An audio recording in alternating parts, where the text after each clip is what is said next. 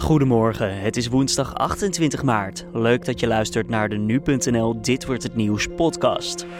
Mijn naam is Julian Dom en ik praat je deze ochtend bij over het nieuws van vandaag met daarin aandacht voor een aankondiging door Apple. En het is vandaag grote rekendag. Even snel voor jezelf, wat is 26 keer 8? Komen we zo op terug. Eerst kijken we even kort terug naar het belangrijkste nieuws van afgelopen nacht. Om de Intercity direct op de hoge snelheidslijn beter te laten presteren, zijn ingrijpende wijzigingen nodig. Dat is de conclusie van een extern onderzoek in opdracht van de NS en ProRail. De spoorbedrijven vrezen dat de prestaties van treinen op de HSL in 2018 onder druk komen te staan. Dat zal medekomen door drukte en door de complexiteit bij het traject. Alleen door aanpassingen aan de spoorbaan kan dezelfde betrouwbaarheid als op het reguliere netwerk worden verwacht. Dat stellen onderzoekers in de analyse naar de verbetermaatregelen. Het aandeel jongeren onder startende ZZP'ers neemt toe. In 2008 was 32% van de zelfstandigen jonger dan 35 jaar. In 2015 is dat percentage gestegen naar 42%.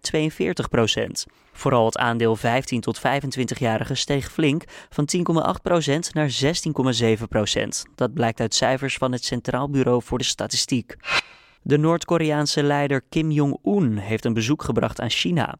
Daar heeft hij gesproken met de Chinese president Xi Jinping. Volgens China waren de gesprekken succesvol te noemen.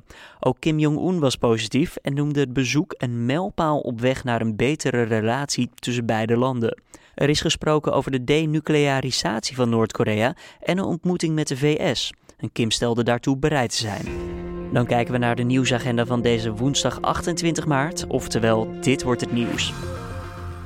Apple kwam gisteravond met een speciaal evenement gericht op scholen en educatie. Bastiaan vroeg op van de NuTech-redactie was voor nu.nl aanwezig bij de presentatie in Chicago. We vroegen Bastiaan wat er nou nieuw is. Uh, nou, het voornaamste wat Apple heeft aangekondigd is een, nieuwe iPad. Die heet ook weer gewoon de iPad. Mm geen nummertjes of wat dan ook erachter. En dat is uh, ja, een voor Apple relatief goedkope tablet gericht op de educatieve markt. Oké, en wat is er dan anders met het vorige model? Er zijn natuurlijk een aantal voor de hand liggende upgrades, zoals bijvoorbeeld de processor, die is ietsje sneller dan de vorige tablet, waardoor die ja, ietsje soepeler en gelikter moet gaan werken. Uh, dat is op zich niet heel bijzonder. Wat wel heel bijzonder is, is dat deze iPad uh, ondersteuning heeft voor de Apple Pencil. Mm Dat is Apple's een uh, drukgevoelige stylus, waarmee je dus eigenlijk kunt tekenen zoals je op een stuk papier ook zou gaan doen. Ja. En die had Apple al, maar die stylus wordt eigenlijk alleen gebruikt bij de iPad Pro. En ja, die kost op het moment het dubbele van deze nieuwe iPad. Die, uh, want deze nieuwe iPad gaat in Nederland voor 360 euro worden verkocht. En de iPad Pro, daar betaalt op het moment op zijn minst zo'n 740 euro voor.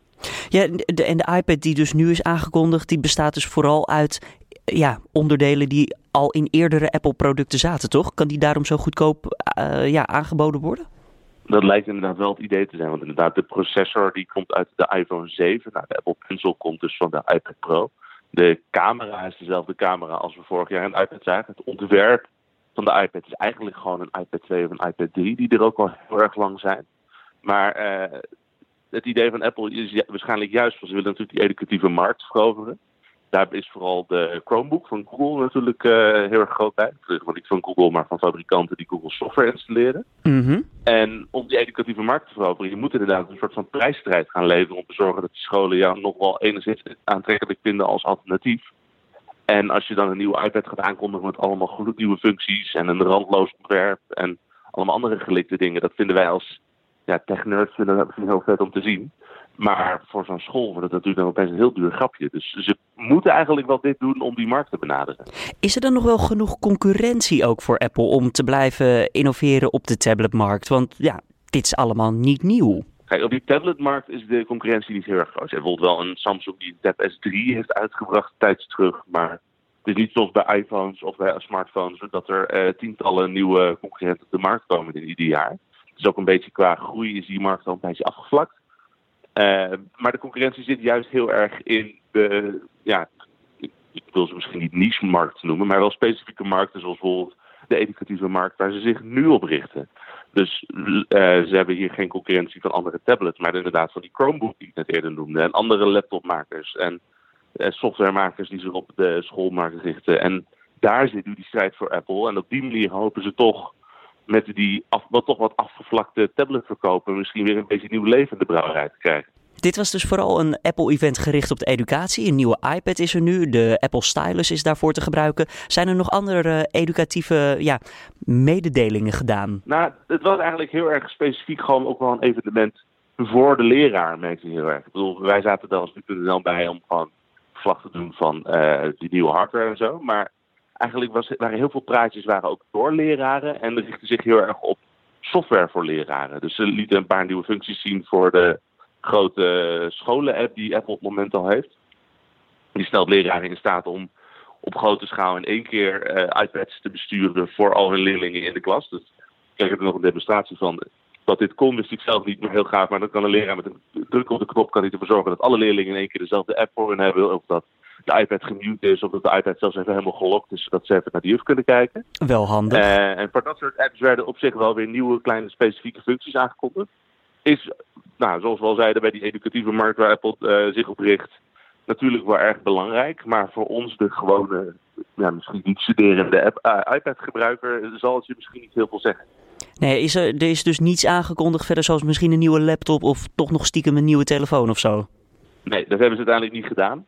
Er waren wel een tijdje geruchten over dat er misschien een iPhone SE 2 zou komen. Dus het zou zeg maar, de iPhone SE 2 was Apple's idee van een budgettelefoon. Mm -hmm. Die denken aan een budgettelefoon zoals Android-telefoon, zoals je minder dan 100 euro betaalt. Maar dat is wel een beetje in het lagere segment voor Apple. Maar die is het tijd niet aangekondigd. Er was ook een gerucht over een iets goedkopere MacBook, waarvan je misschien ook zou kunnen denken, oh, die zou goed op die educatieve strategie kunnen aansluiten. Maar de laatste geruchten over die MacBook is dat hij net nog niet klaar is om de wereld te laten zien en dat hij is uitgesteld naar een later evenement. Dus het vermoeden is dat we die pas in juni ergens gaan zien. Het is nog eventjes wachten dus. Nou, Bastiaan vroeg op, speciaal voor nu.nl vanuit Chicago. Hartstikke bedankt voor alle informatie. Ja, graag gedaan. Wil je alvast een eerste indruk lezen over deze iPad? Lees dan ons artikel op nu.nl. Ja, wat is 26 keer 8? Mogelijk heb je al eventjes nagedacht. Nou, dat is dan 8 keer 10 is 80. Nou, dat twee keer, want je doet 8 keer 20, 160. Nou, één keer door de helft. En dan heb ik het over 80 is 40. Dan heb je die 5 er alvast bij. Dan heb je 200 en dan nog één keer 8 erbij. 208. Ah, rekenen is zo veel chaos, maar het is allemaal wel te doen. En zeker op een dag als vandaag, want het is de grote rekendag. En daarop is het aan juffen en meesters om kinderen te laten ervaren hoe uitdagend rekenen en wiskunde kan zijn.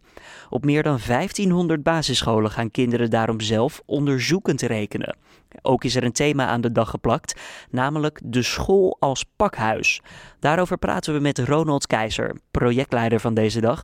Ronald, onderzoekend rekenen. Wat moeten we ons daar eigenlijk bij voorstellen? En onderzoekend leren, daar moeten we bij voorstellen, of rekenen moeten we ons bij voorstellen dat kinderen uh, problemen voorgesteld krijgen waar ze zelf de kans krijgen oplossingen te zoeken en zo uh, te leren rekenen. Waarom zou dit beter zijn? Of ja, is dit sowieso beter? Uh, ik zou niet willen spreken van beter of slechter. Ik zou liever willen spreken van een soort accentverschuiving van zeg maar het rekenen op papier en het uitvoeren van procedures naar meer onderzoekend bezig zijn waar je ook eens bij je plek komt en uh, dingen maakt, dingen uh, echt problemen oplost. Uh, en die accentverschuiving is nodig, omdat dat is wat die kinderen later, wanneer ze wat ouder worden, nodig hebben. Is dit dan wat meer gericht op de praktijk van later, bedoel je? Nou, het is, nee, het, het, je zou kunnen zeggen, het is meer gericht op de redzaamheid van kinderen als het gaat om het gebruiken van rekenen en wiskunde. En okay. die redzaamheid is, zit in de maatschappij, die zit in het vervolgonderwijs, die zit in uh, het beroep wat ze laten gaan uitoefenen. Al die situaties komen ze met heel veel uh, wiskunde in aanraking. En die wiskunde moeten ze ook op een zinnige manier kunnen uh, gebruiken. En dan mag je bijvoorbeeld denken aan, zoals bij de grote rekendag die we nu gaan hebben vandaag, mm -hmm. het um, werken met, met nadenken over verhuizingen. iets als pas, passen alle een grote hoeveelheid verhuisdozen in een boedelbak. Hoe kom je erachter? Welke metingen moet je doen? Hoe moet je dat gestapeld denken? Uh, het gaat ook om, uh, en dat is niet bij deze grote rekendag, maar wat meer algemeen hoe kinderen in deze wereld staan. Het interpreteren van de, de grafiekjes die je op de voorkant van de mobiele telefoon vindt. oh, want, ja. Gewoon, dat, eigenlijk als je naar de voorkant, zeg maar naar je beginscherm van een mobiele telefoon kijkt, zie je al gauw drie grafieken staan. Mm -hmm. De eentje geeft het weer neer, de andere geeft de wifi-signaal weer, de derde geeft het 4G-signaal weer. ja, daar staan we normaal niet bij stil natuurlijk, dat het ook allemaal wiskunde is. Er komt ook wel een stukje taal bij kijken natuurlijk, want zoals je al zei, je noemde wat voorbeelden met verhuisdozen, hoeveel passen er in een truck. Ik had er zelf altijd last mee, dat je eerst eigenlijk een soort van de vraag moest ontmantelen tussen de tekst en tussen de woorden en dan cijfers bij elkaar moet halen. Is daar ook aan gedacht in deze opgave? Bij de grote rekendag wordt inderdaad nagedacht over hoe zo'n uh, situatie of context voor kinderen begrijpelijk is. Uh, wat we daarvoor doen is die op een zo natuurlijk mogelijke manier presenteren. Echt een probleem al oplossen. En wat we zien in rekenwiskundemethodes, of tenminste de manier waarop heel veel kinderen dat gebruiken, is dat zij uh, in de tekst op zoek gaan naar signaalwoorden. Denk aan een woord als samen, dat betekent waarschijnlijk dat we moeten gaan optellen. Mm -hmm. Maar als je het gaat stellen als echt probleem, dat kinderen dan niet gaan zoeken naar de eerste beste formule die ze kunnen gebruiken, maar gewoon echt aan de slag gaan denk er even aan het uh, stapelen van die verhuisdozen. Dat ze dan eerst gaan een stukje gaan stapelen. Dan merken dat ze niet voldoende verhuisdozen hebben. En dus verder uh, zeg maar dat denkbeeldig moeten doen. En dan pas herkennen van, oh, maar daar zit een soort vermenigvuldiging in. Want ik moet kijken hoeveel uh, verhuisdozen in de lengte, hoeveel in de breedte en hoeveel in de hoogte er staan. Dat, ja. En dat inzicht ontstaan. En, dat is ook, en, en wat het signaal eigenlijk is, dit soort inzicht bij kinderen stimuleren is heel erg van belang. Ronald Keizer hoorde je, projectleider van de Grote Rekendag. De Franse politieagent Arnaud Beltram, die is omgekomen tijdens de gijzeling in Trebes vorige week vrijdag, krijgt een eerbetoon in Parijs. Beltram nam tijdens de gijzeling de plaats in van een gijzelaar. Nabestaanden van de agent en van drie andere slachtoffers van de terroristische actie zijn aanwezig bij deze speciale dag. Rusland heeft vandaag uitgeroepen tot dag van nationale rouw, om stil te staan bij de slachtoffers van de fatale brand in een winkelcentrum in Siberië. Daarbij kwamen 64 mensen om het leven, onder wie 41 kinderen. Nooduitgangen in het gebouw waren geblokkeerd en het omroepsysteem werkte niet naar behoren. De politie heeft inmiddels vier mensen gearresteerd. Vanmiddag staat met de semi-klassieker Dwars door Vlaanderen de generale repetitie voor de Ronde van Vlaanderen op het programma. De ronde wordt zondag verreden. In de wielerkoers vandaag, over ongeveer 180 kilometer, waarbij de renners onder meer drie kasseistroken en 12 klimmetjes voor de kiezen krijgen, behoort Nederlander Niki Terpstra tot een van de kanshebbers. Vorig jaar ging de zegen naar de Belg Yves Lampaert. En dan kijken we eventjes naar het mediaoverzicht van deze woensdag 28 maart. In Nederland wordt gemiddeld elk uur een agent verbaal of fysiek aangevallen. En zeker één keer per week rijdt iemand met een auto in op de politie. De nieuwste cijfers van de politie schetsen dit beeld, meldt het AD.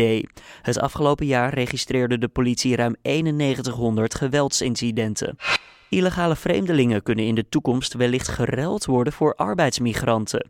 Het kabinet verkent of er een soort uitruilsysteem ingevoerd kan worden. Daarover schrijft staatssecretaris Harbers van Justitie en Veiligheid, melden bronnen aan de Telegraaf. Het is lastig voor Nederland om uitgeproduceerden uit te zetten momenteel. Landen van herkomst werken vaak niet mee bij het terugnemen van deze mensen. En dan nog eventjes het weer van deze woensdag. Ja, vandaag wederom veel bewolking in ons land en ook blijft de kans op regen bestaan. De temperatuur laat nog weinig van de lente zien, het wordt namelijk zo'n 8 graden. En voordat we bij het einde zijn, nog eventjes nieuws over meeuwen. Dat zijn namelijk blijkbaar de nieuwe muggen. Het AMC zet een buizerd in om de visvangers, die hun personeel lastigvallen, te verjagen. En om te voorkomen dat de bloemen voor de paus worden vernield door de vraatzuchtige meeuwen, worden zelfs lasers ingezet. Rondom het Sint-Pietersplein worden laserstralen gebruikt die ervoor zorgen dat de meeuwen zich niet meer op de bloemen durven storten. Zo kan de paus zondag genieten van een ongeschonden bloemenzee uit Nederland. Dit was dan de Dit wordt het nieuws podcast deze woensdag 28 maart. Je vindt deze podcast maandag tot en met vrijdag om 6 uur ochtends op nu.nl. Vond je het een leuke podcast? Laat een recensie voor ons achter op iTunes of stuur een mailtje naar redactieapenstaartje nu.nl. Voor nu, tot morgen.